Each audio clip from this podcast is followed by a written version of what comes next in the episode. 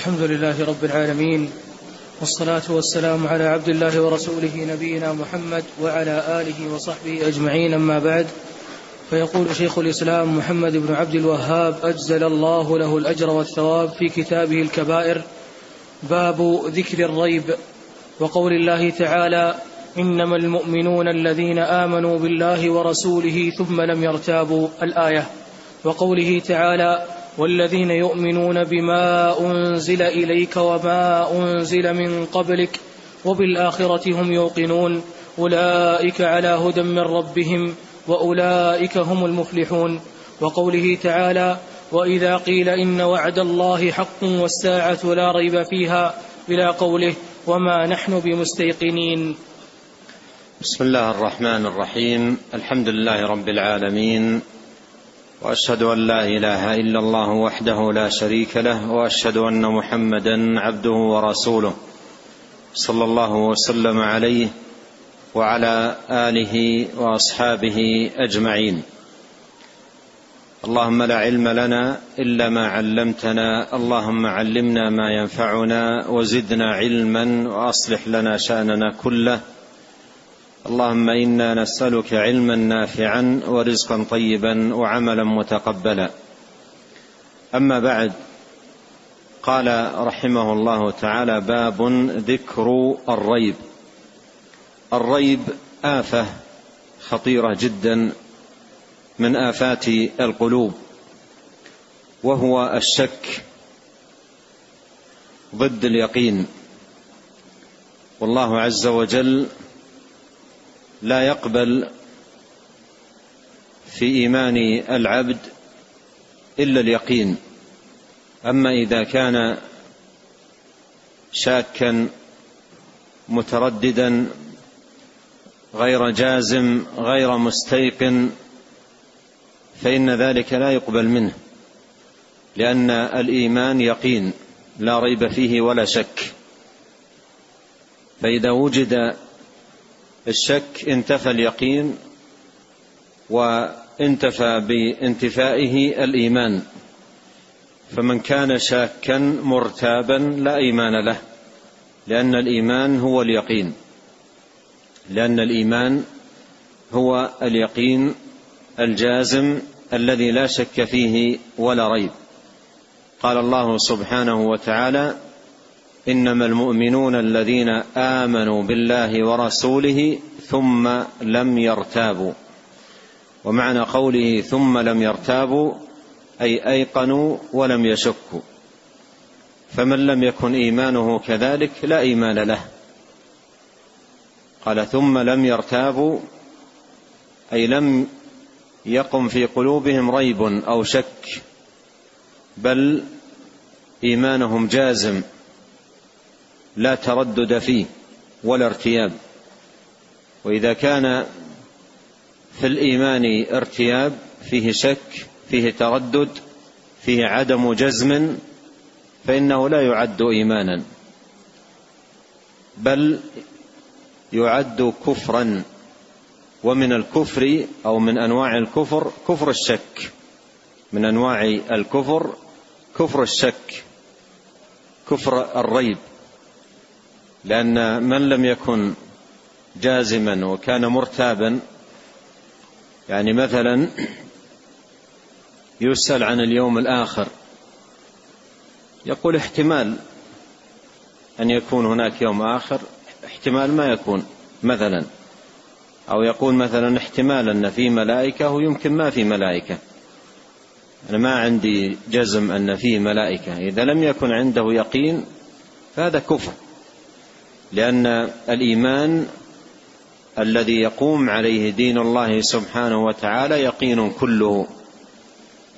فإذا لم يوجد هذا اليقين لا يعد مؤمنا. قد قال الله عز وجل ومن يكفر بالإيمان فقد حبط عمله وهو في الآخرة من الخاسرين. ومن ذلك المرتاب. المرتاب في أصول الإيمان وقواعد الدين وثوابت الشريعة من عنده ريب في ذلك فإن ريبه يحبط عمله كله يحبط عمله كله فالإيمان يقين لا ريب فيه. إنما المؤمنون وإنما أداة حصر الذين آمنوا بالله ورسوله ثم لم يرتابوا ومعنى لم يرتابوا أي أيقنوا ولم يشكوا. وقد قال عليه الصلاة والسلام أشهد أن لا إله إلا الله وأني رسول الله لا يلقى الله بهما عبد غير شاك فيهما إلا أدخله الله الجنة. اشترط عليه الصلاة والسلام اليقين. قال غير شاك فيهما أدخله الله الجنة بمعنى انه إن وجد الشك أو وجد الريب لم يكن من أهل الجنة لأنه ليس عنده إيمان فالإيمان اليقين. قال رحمه الله تعالى وقوله والذين يؤمنون بما أنزل إليك وما أنزل من قبلك وبالآخرة هم يوقنون. أولئك على هدى من ربهم وأولئك هم المفلحون. الشاهد من هذه الآية الكريمة قوله وبالآخرة هم يوقنون. وبالآخرة هم يوقنون. واليقين هو كمال العلم وانتفاء الريب. ولا يكون مؤمنا بالآخرة إلا من كان إيمانه بها عن يقين. إلا من كان إيمانه بها عن يقين. فإذا كان في إيمانه تردد أو ارتياب أو عدم جزم أو نحو ذلك فهذا فهذا يعد كفرا أكبر ناقل من الملة لأن الإيمان هو اليقين وبالآخرة هم يوقنون.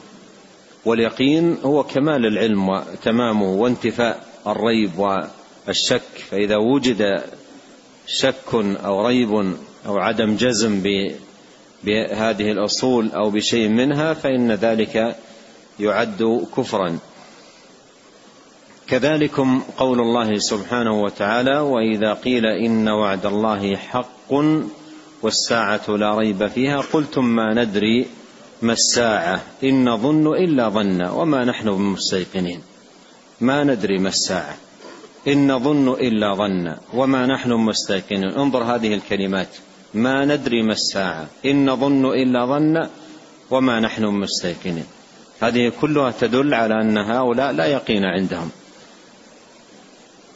ان هؤلاء لا يقين عندهم. والإيمان بالساعة لا يكون إيمانا إلا بانتفاء الريب. مثل ما قال الله سبحانه وتعالى وإذا قيل إن وعد الله حق والساعة لا ريب فيها. الساعة لا ريب فيها لا شك في وقوعها.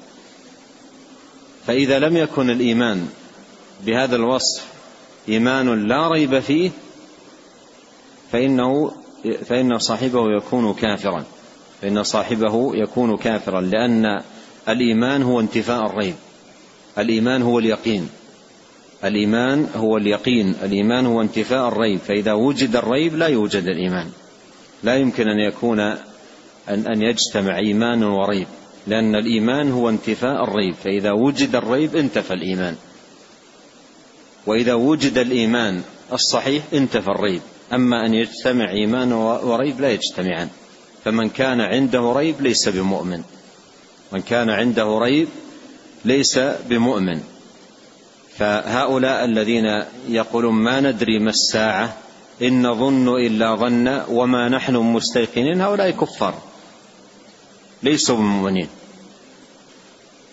لماذا؟ لأن لأن ليس عندهم يقين ليس عندهم إلا الريب والشك وهذا كفر بالله سبحانه وتعالى. والإيمان بالساعة أصل من أصول الإيمان وركن من أركان الدين. قال الله سبحانه وتعالى يا أيها الذين آمنوا آمنوا بالله ورسوله والكتاب الذي نزل على رسوله والكتاب الذي أنزل من قبل ومن يكفر بالله وملائكته وكتبه ورسله واليوم الآخر فقد ضل ضلالا بعيدا. فمن كان مرتابا في اليوم الآخر ليس عنده يقين فيه أو في أي أصل من أصول الإيمان يعد كافرا. حتى لو كان يصلي أو يصوم أو يتصدق فإن أعماله كلها لا تكون مقبولة لأن الأصل الذي يقوم عليه دين الله سبحانه وتعالى ليس موجودا عنده. نعم. قال رحمه الله وكان معاذ رضي الله عنه يقول في مجلسه كل يوم قل ما يخطئه الله حكم قسط هلك المرتابون. قال رحمه الله تعالى وكان معاذ رضي الله عنه يقول في مجلسه كل يوم قل ما يخطئه. معنى قوله قل ما يخطئه أي لا يفوته لا يكاد يجلس مجلسا في يوم إلا ويقول هذه الكلمة الله حكم قسط هلك المرتابون. هلك المرتابون. وهذا الأثر عن معاذ رواه أبو داود في سننه بإسناد صحيح آه، إلى معاذ موقوفا عليه رضي الله عنه. ولفظ أبو داود قال كان معاذ لا يجلس مجلس ذكر حين يجلس إلا قال الله حكم قسط هلك المرتابون. لا يجلس مجلس ذكر. المراد مجلس الذكر مجلس الوعظ والتعليم والتذكير بالله سبحانه وتعالى فيكون من جملة من جملة وعظه وتذكيره رضي الله عنه وأرضاه هذه الكلمة الله حكم قسط هلك المرتابون. هلك المرتابون. حكم أي حاكم له الحكم. جل في علاه إن الحكم إلا لله. إن الحكم إلا لله. ومن أحسن من الله حكما. والحكم اسم من أسمائه تبارك وتعالى. والله عز وجل له الحكم الكوني القدري وله الحكم الشرعي الديني وله الحكم الجزائي. هذا كله لله عز وجل. الحكم الكوني القدري كل ما حكم به كونا وقدرا وقع طبقا لما حكم به وطبقا لما قضاه سبحانه وتعالى. لا راد لقضائه ولا معقب لحكمه. ماض في ماض في حكمك. أي حكمك القضائي الكوني نافذ. ما شئت كان وإن لم أشأ. ما حكم الله به وقضاه وقدره لا بد أن يقع. طبقا لما قدره وقضاه سبحانه إنما أمره إذا أراد شيئا أن يقول له كن فيكون. وله الحكم الشرعي. أم لهم شركاء شرعوا لهم من الدين ما لم يأذن به الله؟ إن الحكم إلا لله أمر أن لا تعبدوا إلا إياه. فالحكم الشرعي لله عز وجل ليس لأحد أن يشرع. الشارع هو رب العالمين. الحكم الشرعي لله رب العالمين وحده سبحانه وتعالى. والحكم الجزائي الذي هو الثواب والعقاب ليجزي الذين أساءوا بما عملوا ويجزي الذين أحسنوا بالحسنى. أيضا الحكم الجزائي لله سبحانه وتعالى رب العالمين لا شريك له.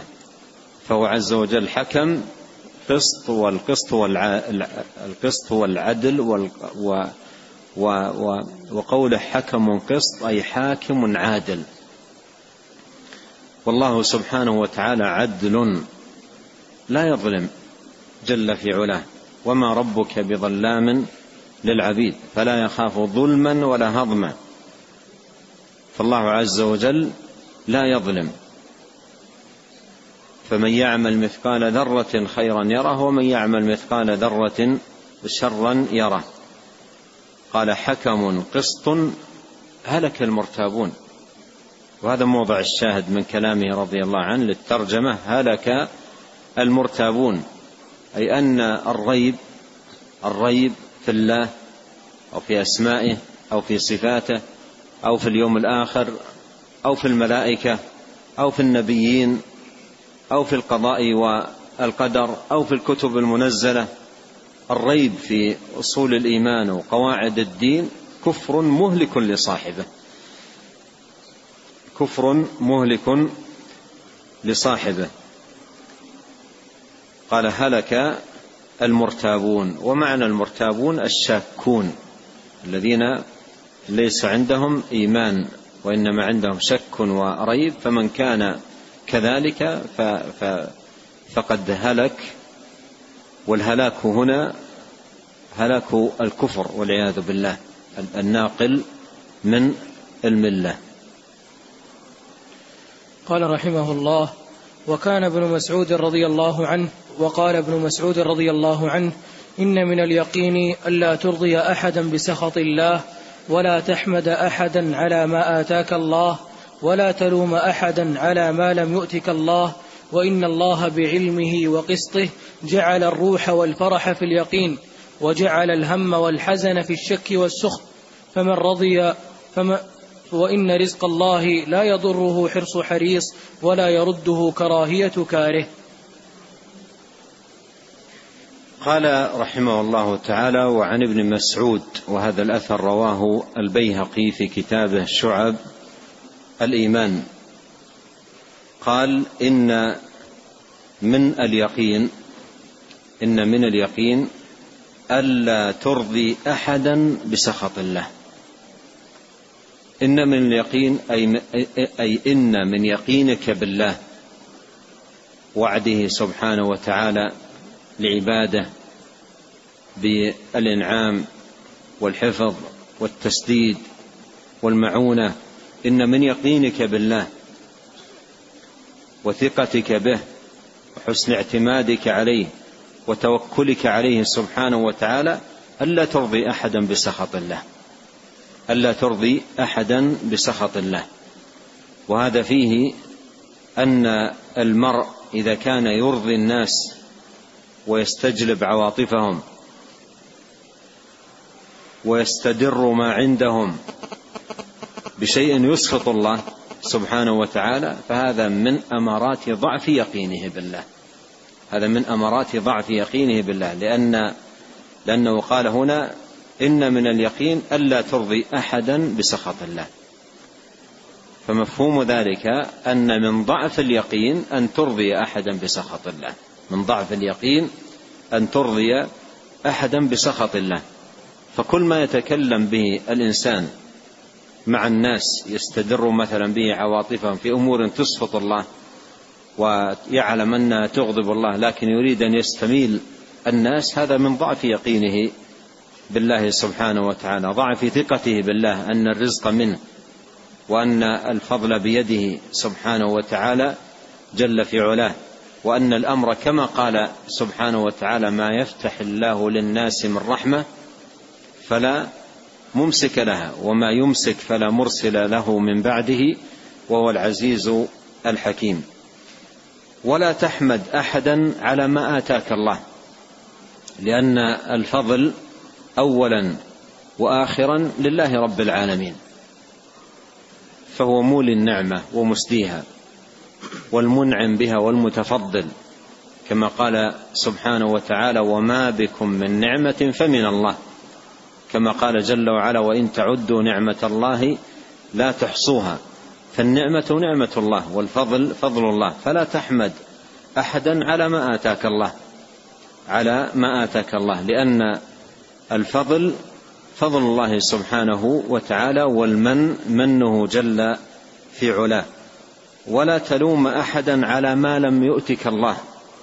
وهذا كله من قوة اليقين عندما يكون في العبد. لا تلوم أحدا على ما لم يؤتك الله. وليس معنى ذلك أن الإنسان إذا ظلم مثلا لا يطالب بحقه. ليس هذا معناه.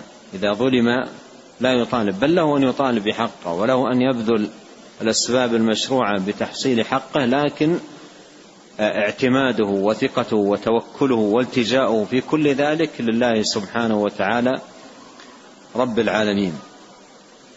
وإن الله بعلمه وقسطه أي عدله الذي لا ظلم فيه جعل الروح والفرح في اليقين.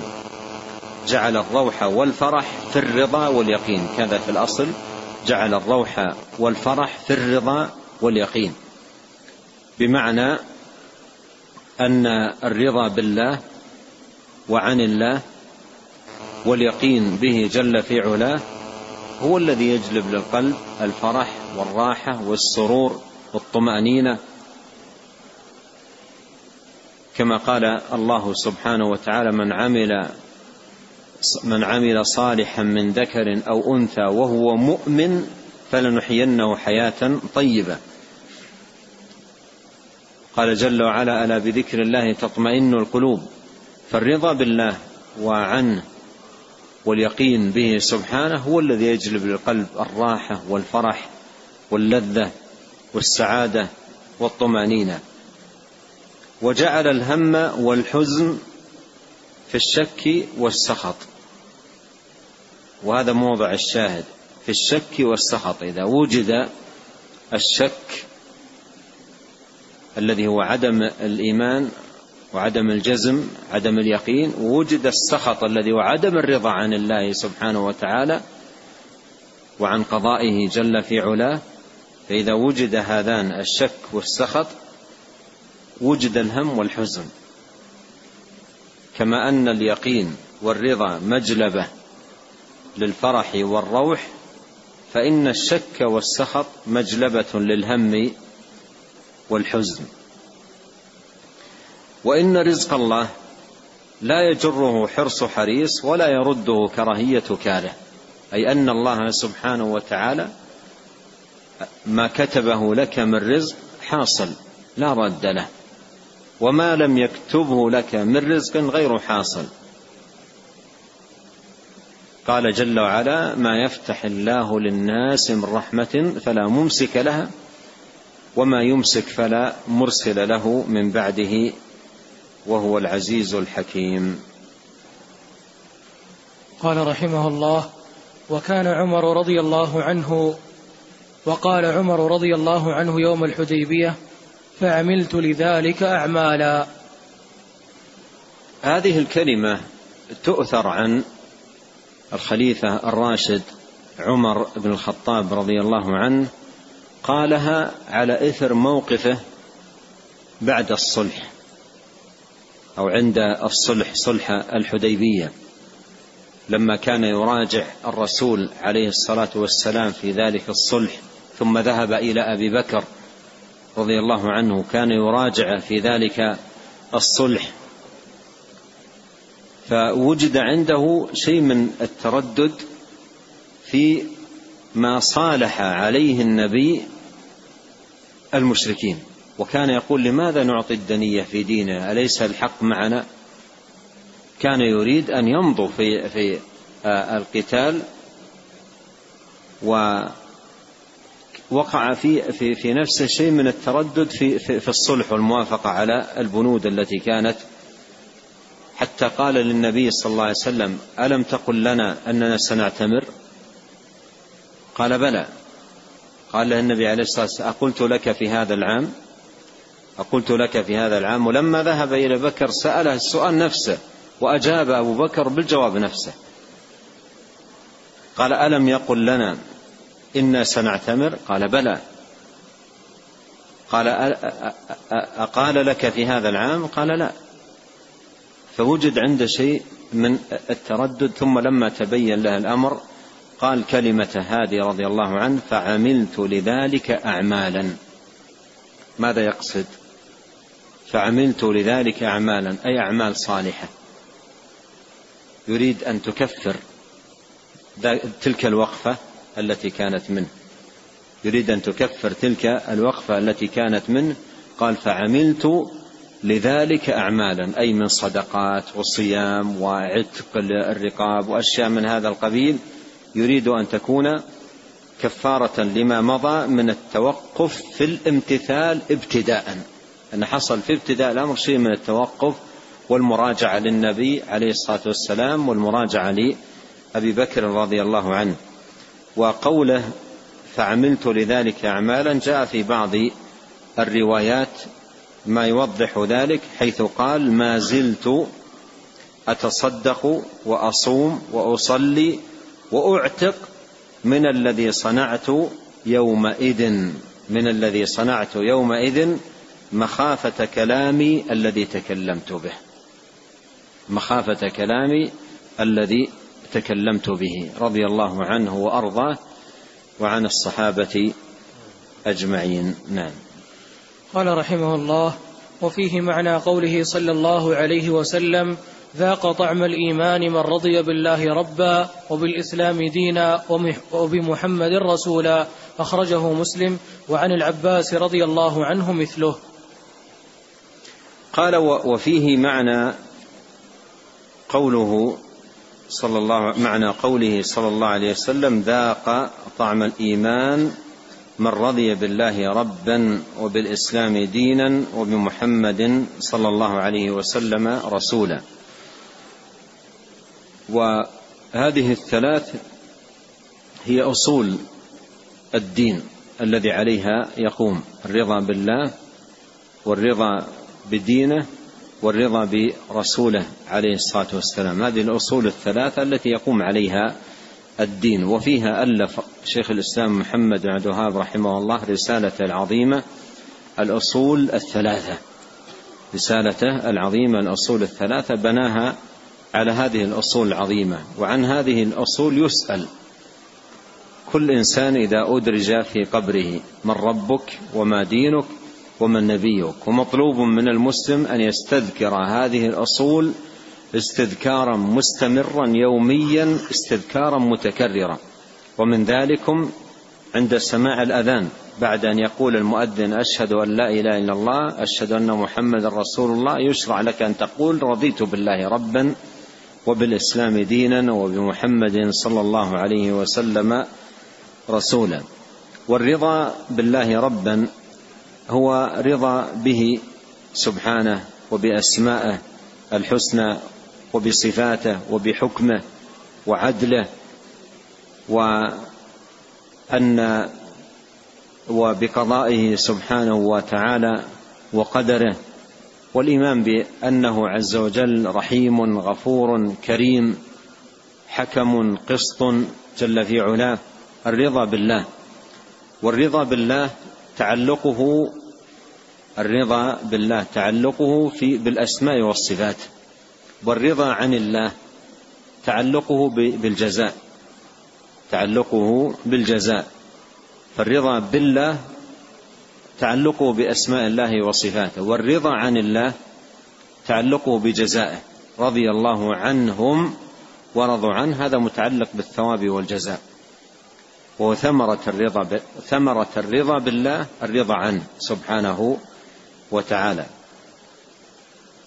والرضا بالإسلام دينا وقد قال الله تعالى ورضيت لكم الإسلام دينا بأن يقبل العبد على هذا الدين ولا يبغي دينا سواه. ومن يبتغي غير الإسلام دينا فلن يقبل منه وهو في الآخرة من الخاسرين. والرضا بمحمد صلى الله عليه وسلم رسولا بالإيمان بأنه مرسل من رب العالمين وأنه بلغ الرسالة وأدى الأمانة ونصح الأمة وأن يطيعه فيما أمر وأن يصدقه فيما أخبر وأن ينتهي عما نهى عنه وزجر صلوات الله وسلامه وبركاته عليه. نعم. ثم قال رحمه الله تعالى باب السخط. وقول الله تعالى ومن يؤمن بالله يهدي قلبه. قال علقمة رحمه الله هو الرجل تصيبه المصيبة فيعلم أنها من عند الله فيرضى ويسلم. قال باب السخط والسخط يتعلق بالمصيبة. والابتلاء. تعلقه بالمصيبة والابتلاء والسخط هو ضد الرضا. السخط ضد الرضا. وينشأ آه، السخط من عدم الإيمان بقدر الله وقضائه سبحانه وتعالى. ينشأ من عدم الإيمان بالله وبقضائه وقدره جل وعلا. فمن لا يؤمن بالقدر إذا حل البلاء ونزلت المصيبة ووقعت الشدة وجد عنده السخط وعدم الرضا. أورد قول الله عز وجل ومن يؤمن بالله يهد قلبه. قال عز وجل ما أصاب من مصيبة إلا بإذن الله. ومن يؤمن بالله يهدي قلبه. ما أصاب من مصيبة إلا بإذن الله. أي لا لا يقع شيء من المصائب من فقر أو من موت أو من مرض أو غير ذلك من أنواع المصائب إلا بإذن الله أي بقضائه وقدره. وقد قال الله سبحانه وتعالى ولنبلونكم بشيء من الخوف والجوع ونقص من الأموال والأنفس والثمرات. هذه كلها أمور بقضاء الله سبحانه وتعالى وقدره. ومن يؤمن بالله يهدي قلبه. يهدي قلبه عند المصاب فينشرح الصدر وترتاح النفس ويتحقق الإيمان بالقضاء قضاء الله سبحانه وتعالى وقدره. ومن يؤمن بالله يهدي قلبه. يؤمن بالله أن الأمور بقضائه وقدره. وأن ما أصابه لم يكن ليخطئه وما أخطأه لم يكن ليصيبه ومن يؤمن بالله يهدي قلبه. قال علقمة بن قيس النخعي رحمه الله في في بيان معنى هذه الآية قال هو الرجل تصيبه المصيبة فيعلم أنها من عند الله فيرضى ويسلم. هذا معنى قوله ومن يؤمن بالله يهدي قلبه. أي أن الرجل المسلم الصادق في إسلامه وإيمانه تصيبه المصيبة من موت قريب أو مثلا آه، فقد محبوب أو مثلا حصول فقر أو حصول مرض أو غير ذلك من أنواع المصيبات.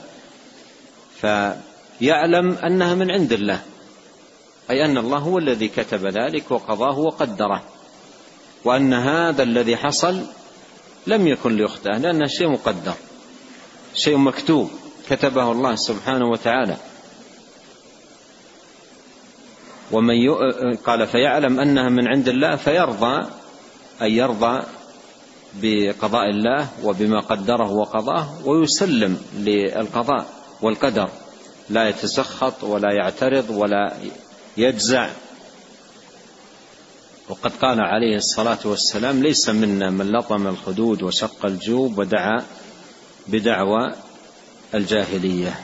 نعم. قال رحمه الله وعن انس رضي الله عنه انه قال قال رسول الله صلى الله عليه وسلم إن الله إذا أحب قوما ابتلاهم فمن رضي فله الرضا ومن سخط فله السخط.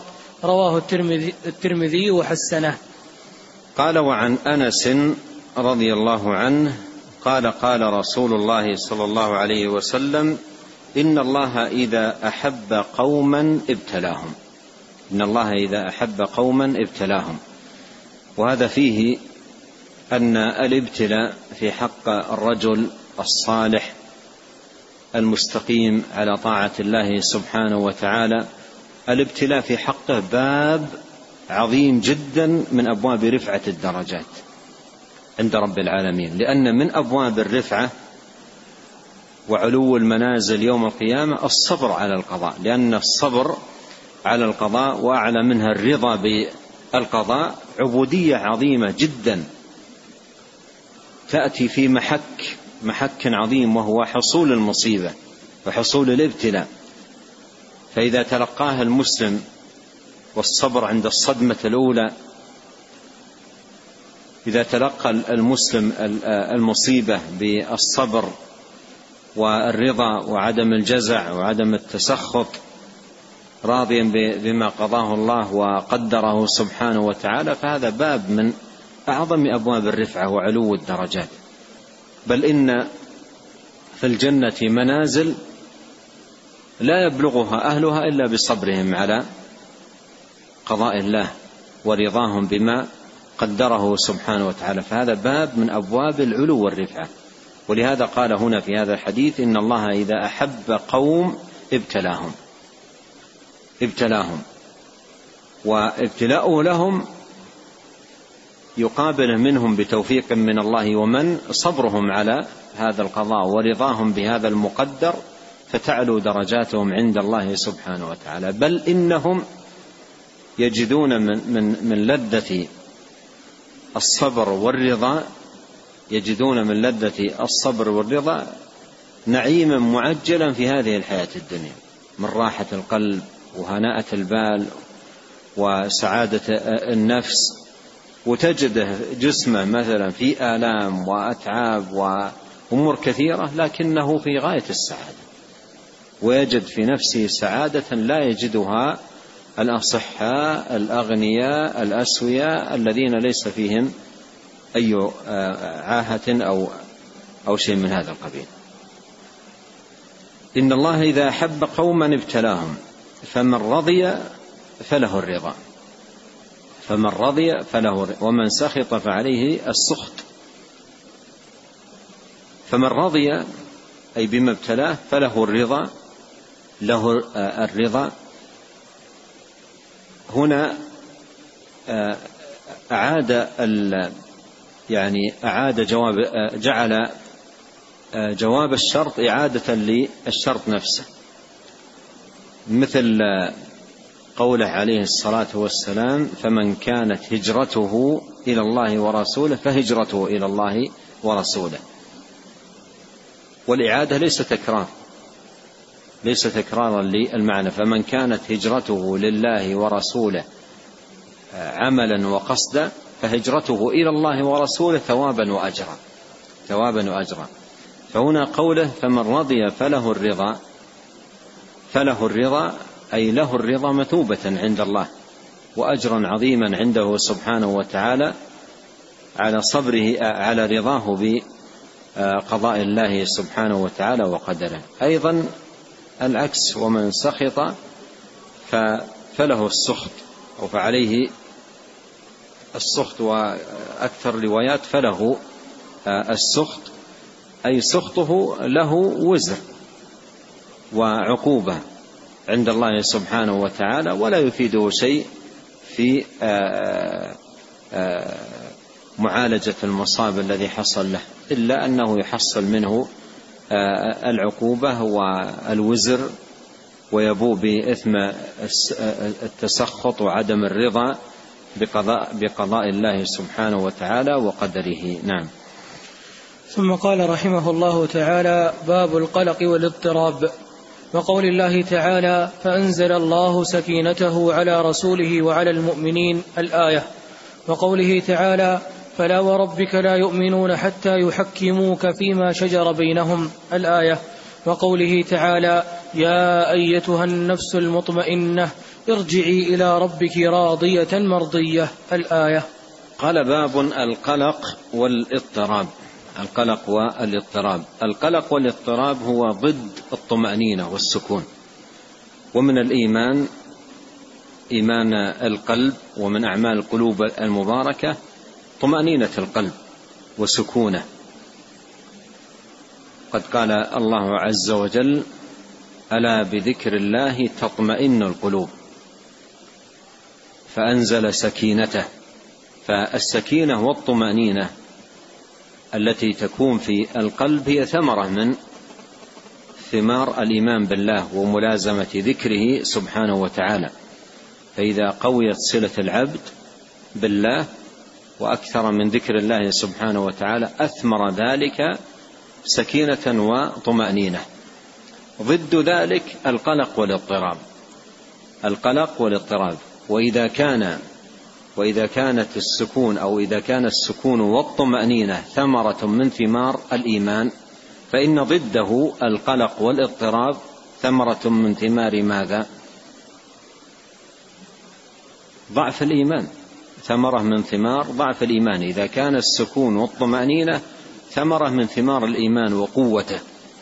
فإن القلق والاضطراب ثمرة من ثمار ضعف الإيمان ونقصه.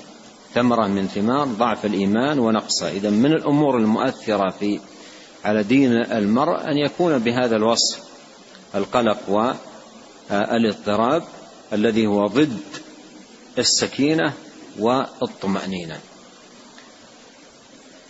قال وقول الله تعالى فأنزل الله سكينته على رسوله والمؤمنين. والسكينة هذه منزلة عظيمة من منازل السائرين وينظر كلاما جميلا للغاية عن هذه المنزلة في كتاب مدارج السالكين للإمام ابن القيم رحمه الله تعالى. فأنزل سكينته على رسوله وعلى المؤمنين. هذه السكينة التي ينزلها الله سبحانه وتعالى على من شاء من عباده هي ثمرة من ثمار صدق العبد مع الله. وحسن إقباله على الله وقوة توكله على على الله عز وجل. فهذا يثمر في العبد أن أن الله يمن عليه بنزول السكينة على قلبه والسكينة هي طمأنينة القلب وراحته وانتفاء القلق والاضطراب عنه. قال وقول الله تعالى فلا وربك لا يؤمنون حتى يحكموك فيما شجر بينهم ثم لا يجدوا في أنفسهم حرجا مما قضيت ويسلموا تسليما. وهذا الإيمان الذي بهذا الوصف وتحكيم النبي عليه الصلاة والسلام فيما يكون في من الخصومات دون أن يوجد حرج أي تردد واضطراب وقلق في الصدر ويسلم تسليما هذا من أمارات إيمان العبد. وثمرة من ثمار قوة إيمانه. أما إذا كان الإنسان إذا جاءته الأقضية والأحكام عن الرسول عليه الصلاة والسلام يصيب قلق يصيب قلبه شيء من القلق والاضطراب وعدم ارتياح فهذا من ضعف إيمانه. فهذا من ضعف إيمانه. فاذا هذا يعد آفة من آفات القلوب ومرض من أمراضها. قال وقول الله عز وجل يا أيتها النفس المطمئنة. المطمئنة. النفس المطمئنة هي النفس التي زال عنها القلق والاضطراب فأصبحت منشرحة ومطمئنة وراضية عن الله وبالله ومقبلة على طاعة الله سبحانه وتعالى. يا أيتها النفس المطمئنة ارجعي إلى ربك راضية مرضية فادخلي في عبادي وادخلي جنتي. نعم. قال رحمه الله ولهما عن أبي هريرة رضي الله عنه أنه قال قال رسول الله صلى الله عليه وسلم ليس الشديد بالسرعة إنما الشديد الذي يملك نفسه عند الغضب. قال ولهما أي البخاري ومسلم عن أبي هريرة رضي الله عنه قال قال رسول الله صلى الله عليه وسلم ليس الشديد بالسرعة. إنما الشديد الذي يملك نفسه عند الغضب. ليس الشديد بالسرعة الذي يصرع الناس ويغلبهم ويبادر إلى المشادة والخصومة والتقاتل. ليس هذا هو الشديد. وإن كان في السائد في أفهام كثير من الناس أن القوي الشديد هو الذي يهجم ويقاتل ويعتبرون من كان كذلك هو القوي. فيقول عليه الصلاة والسلام ليس الشديد بالسرعة هذه شدة يعني هذه تعتبر شدة التي هي القتال وال... لكن ليس هذا هو الشديد. ليس هذا هو الشديد في مفهوم الشرع. أما في مفهوم الناس هذا يعد شدة ويعتبرون من كان كذلك هو الشديد. قال وإنما الشديد الذي يملك نفسه عند الغضب. وهذه هي الشدة التي تحمد. وكون الإنسان يملك نفسه عند الغضب هذا فرع من عدم قلقه واضطرابه. هذا ناشئ من طمأنينة نفسه. ناشئ من طمأنينة نفسه وسكون قلبه. بينما القلب المضطرب هو الذي يندفع. يندفع عند أدنى شيء إلى الخصومة والمقاتلة وغير ذلك من الأمور. ولهذا مثل هذه القلق والاضطراب والسرعة في القتال المقاتلة والتقاتل مع إخوانه المسلمين ورفع الصوت باللجج والخصومة والشتم واللعن وغير ذلك هذا كله من ثمار القلق والاضطراب وعدم السكون والطمأنينة. لكن الإنسان المطمئن نفسه الإنسان المطمئن نفسه لا يبادر إلى إلى هذه الأمور إطلاقا. بل سكونة نفسه وطمأنينته وطمأنينتها تمنعه من مثل ذلك. قال إنما الشديد الذي يملك نفسه عند الغضب. نعم. قال رحمه الله وللبخاري أن رجلا قال للنبي صلى الله عليه وسلم أوصني. قال لا تغضب. فردد مرارا قال لا تغضب. هذا الحديث هو في الصحيح صحيح البخاري أن رجلا قال للنبي عليه الصلاة والسلام لا قال أوصني قال لا تغضب. فردد مرارا قال لا تغضب. وجاء في بعض الروايات في غير الصحيح أن الرجل قال فتفكرت في الغضب فإذا هو جماع الشر. فإذا هو جماع الشر. وهذا يستفاد منها أن هذه الوصية تعد في جماع الوصايا. تعد في جماع الوصايا أي الوصايا الجامعة. من الوصايا الجامعة ترك الغضب الحث على ترك الغضب. والنبي صلى الله عليه وسلم جاء هذا الرجل قال أوصني قال لا تغضب قال أوصني قال لا تغضب قال أوصني قال لا تغضب يردد عليه تحذيره من الغضب. فهذا يدل على أن الوصية بترك الغضب من جماع الوصايا وأن العبد إذا وفق إلى ذلك فقد وفق لخير عظيم لأن الغضب هلاك للإنسان. بالغضب أريق الدماء محرمة. بالغضب تفككت أسر. بالغضب اعتدي على أرواح. بالغضب حصلت فرقة وخصومات واستمرت و... يترتب على الغضب من الشرور والآفات والأضرار شيء لا حد له ولا حصر. فهذه وصية من جماع الوصايا وهذا دليل على أن العبد إذا وفق لترك الغضب فإن هذا من كمال أدبه وحسن خلقه. ولهذا عد هذا الحديث عد هذا الحديث من الأحاديث الجامعة في باب الآداب. بل قال بعض أهل العلم وهو ابن أبي زيد القيرواني ونقله عنه الحافظ آه، ابن رجب رحمه الله في جامع العلوم والحكم أن جماع الآداب جماع الآداب جماع الأحاديث الواردة في الآداب ترجع إلى أربعة أحاديث. بمعنى أن الأدب كله يجتمع في أربعة أحاديث. إذا وفقت لهذه الأحاديث تحقيق هذه الأحاديث الأربعة آه، فقد جمعت لك الأدب كله. هذا الحديث لا تغضب وحديث من حسن إسلام المرء تركه ما لا يعنيه وحديث من كان يؤمن بالله واليوم الآخر فليقل خيرا أو ليصمت. وحديثا آه، رابع أيضا آه، ذكره رحمه الله تعالى. وسبق أن ألقيت محاضرة أو كلمة حول هذه الأحاديث الأربعة وبيان وجه كون هذه الأحاديث جمعت الأدب كله. وجه كون هذه الأحاديث الأربعة جمعت آه، الأدب كله. نعم. وقوله لا تغضب هذا فيه يتضمن أمرين. الأول أن تحاول ألا يوجد الغضب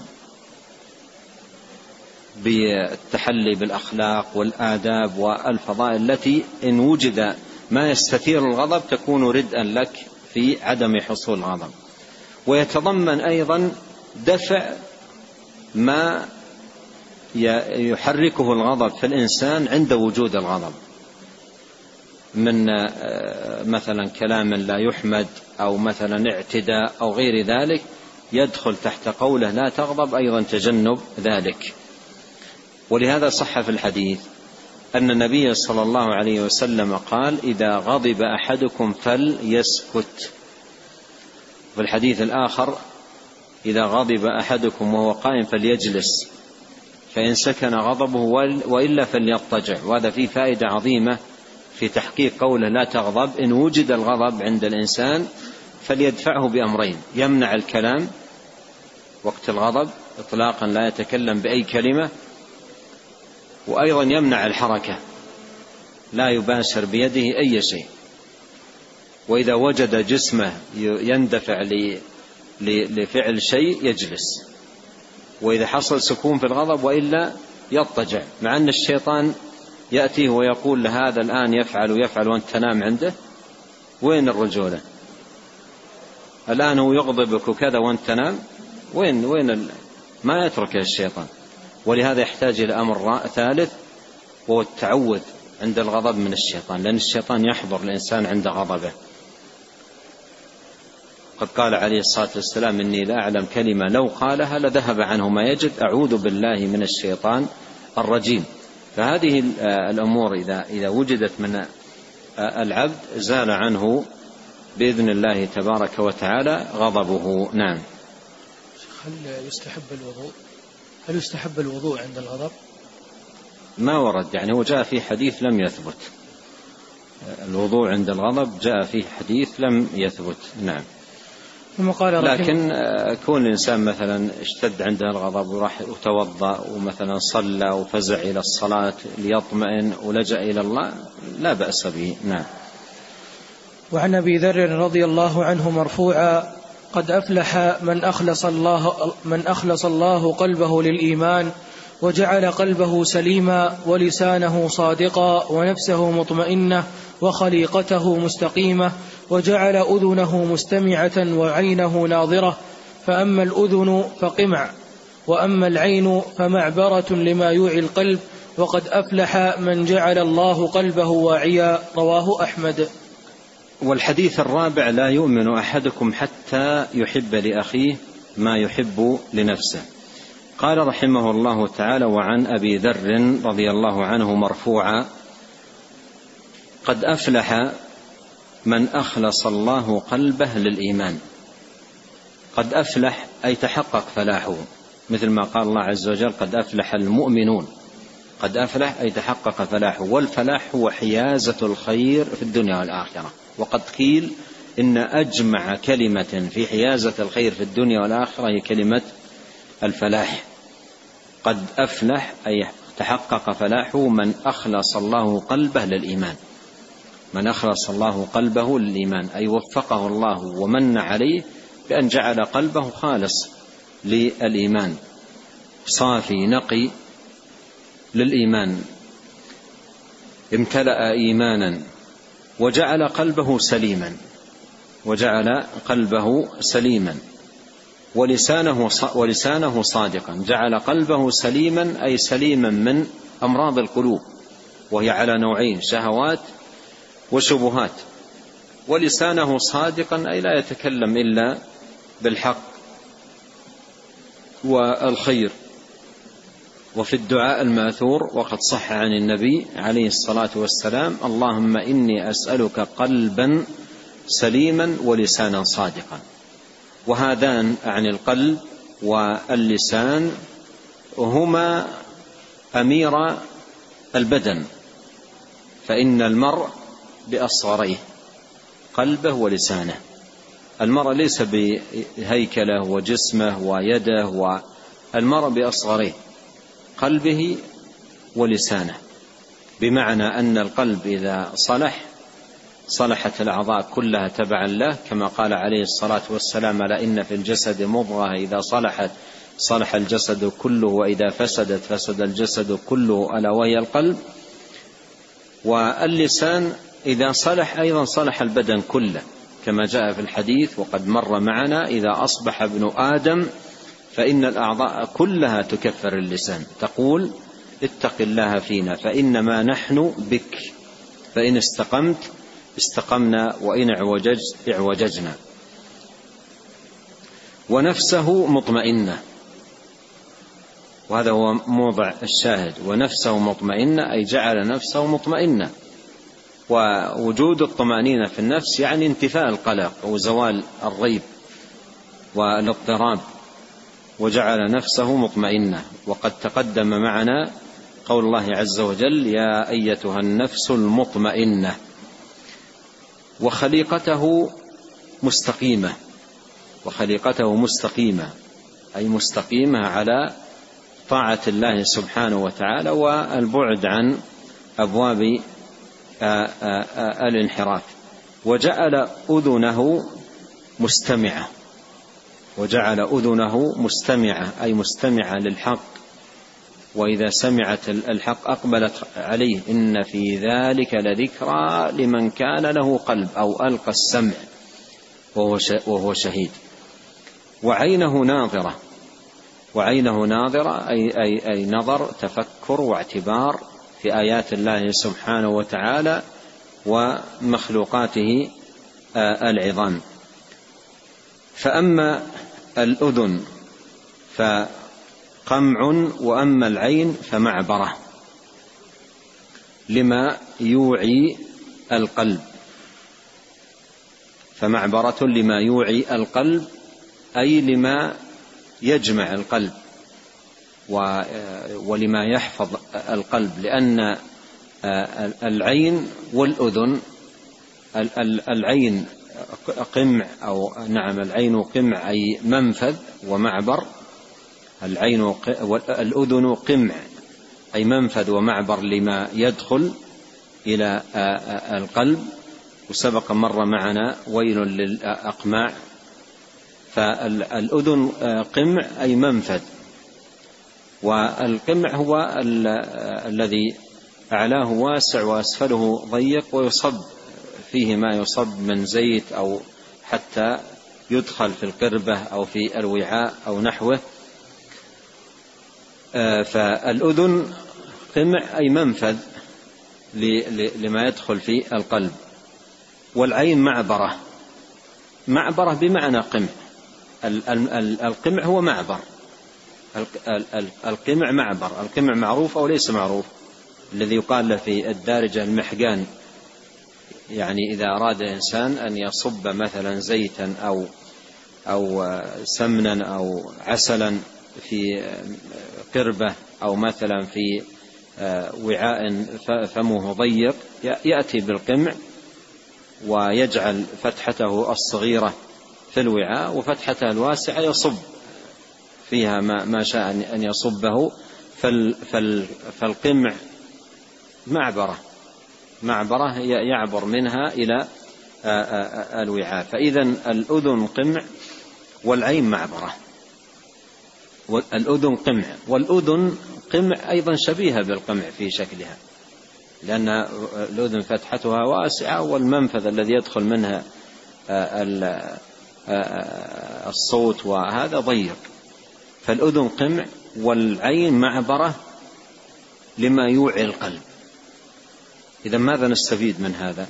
إذا عرفنا أن الأذن والعين كل كلاهما معبرة للقلب. معنى ذلك أن من أراد صيانة قلبه من الأمراض والشبهات والأهواء وغير ذلك عليه أن يسد المنفذين الأذن والسمع. لا يدخل منهما لأن النظر المحرم يدخل للقلب ماذا؟ ما يمرضه والسماع المحرم يدخل للقلب ما يمرضه. أرأيتم لو أن شخصا أتاح لعينه النظر المحرم وأتاح لسمعه النظر المحرم السماع المحرم. ويريد أن يبقى قلبه سليما. يريد أن يبقى قلبه سليما أن سليما من الشبهات وسليما من الهواء يمكن هذا يكون كما قال القائل ألقاه في اليم مكتوفا وقال له إياك إياك أن تبتل بالماء. يسمع المحرمات ويشاهد المحرمات ويقول أنا أريد أن يبقى قلبي سليما. فإذا هذه فائدة مهمة. الأذن قمع والعين معبرة لما يوعي القلب أي لما لما يجمع القلب.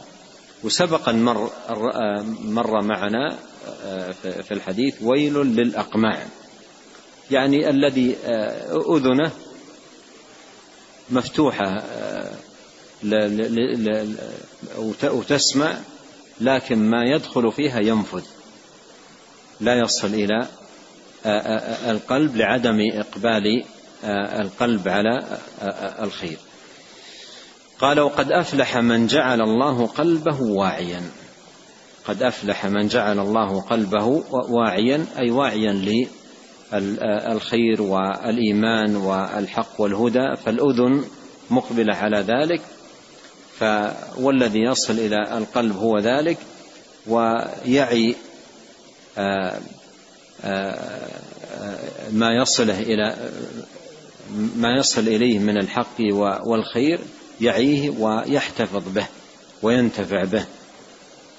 وفي الحديث نظر الله امرأ سمع مقالتي فوعاها فأداها كما سمعها فوعاها أي أن القلب يعي ما, ما يصل إليه من الخير ويعمل على حفظه والمحافظة عليه والثبات عليه.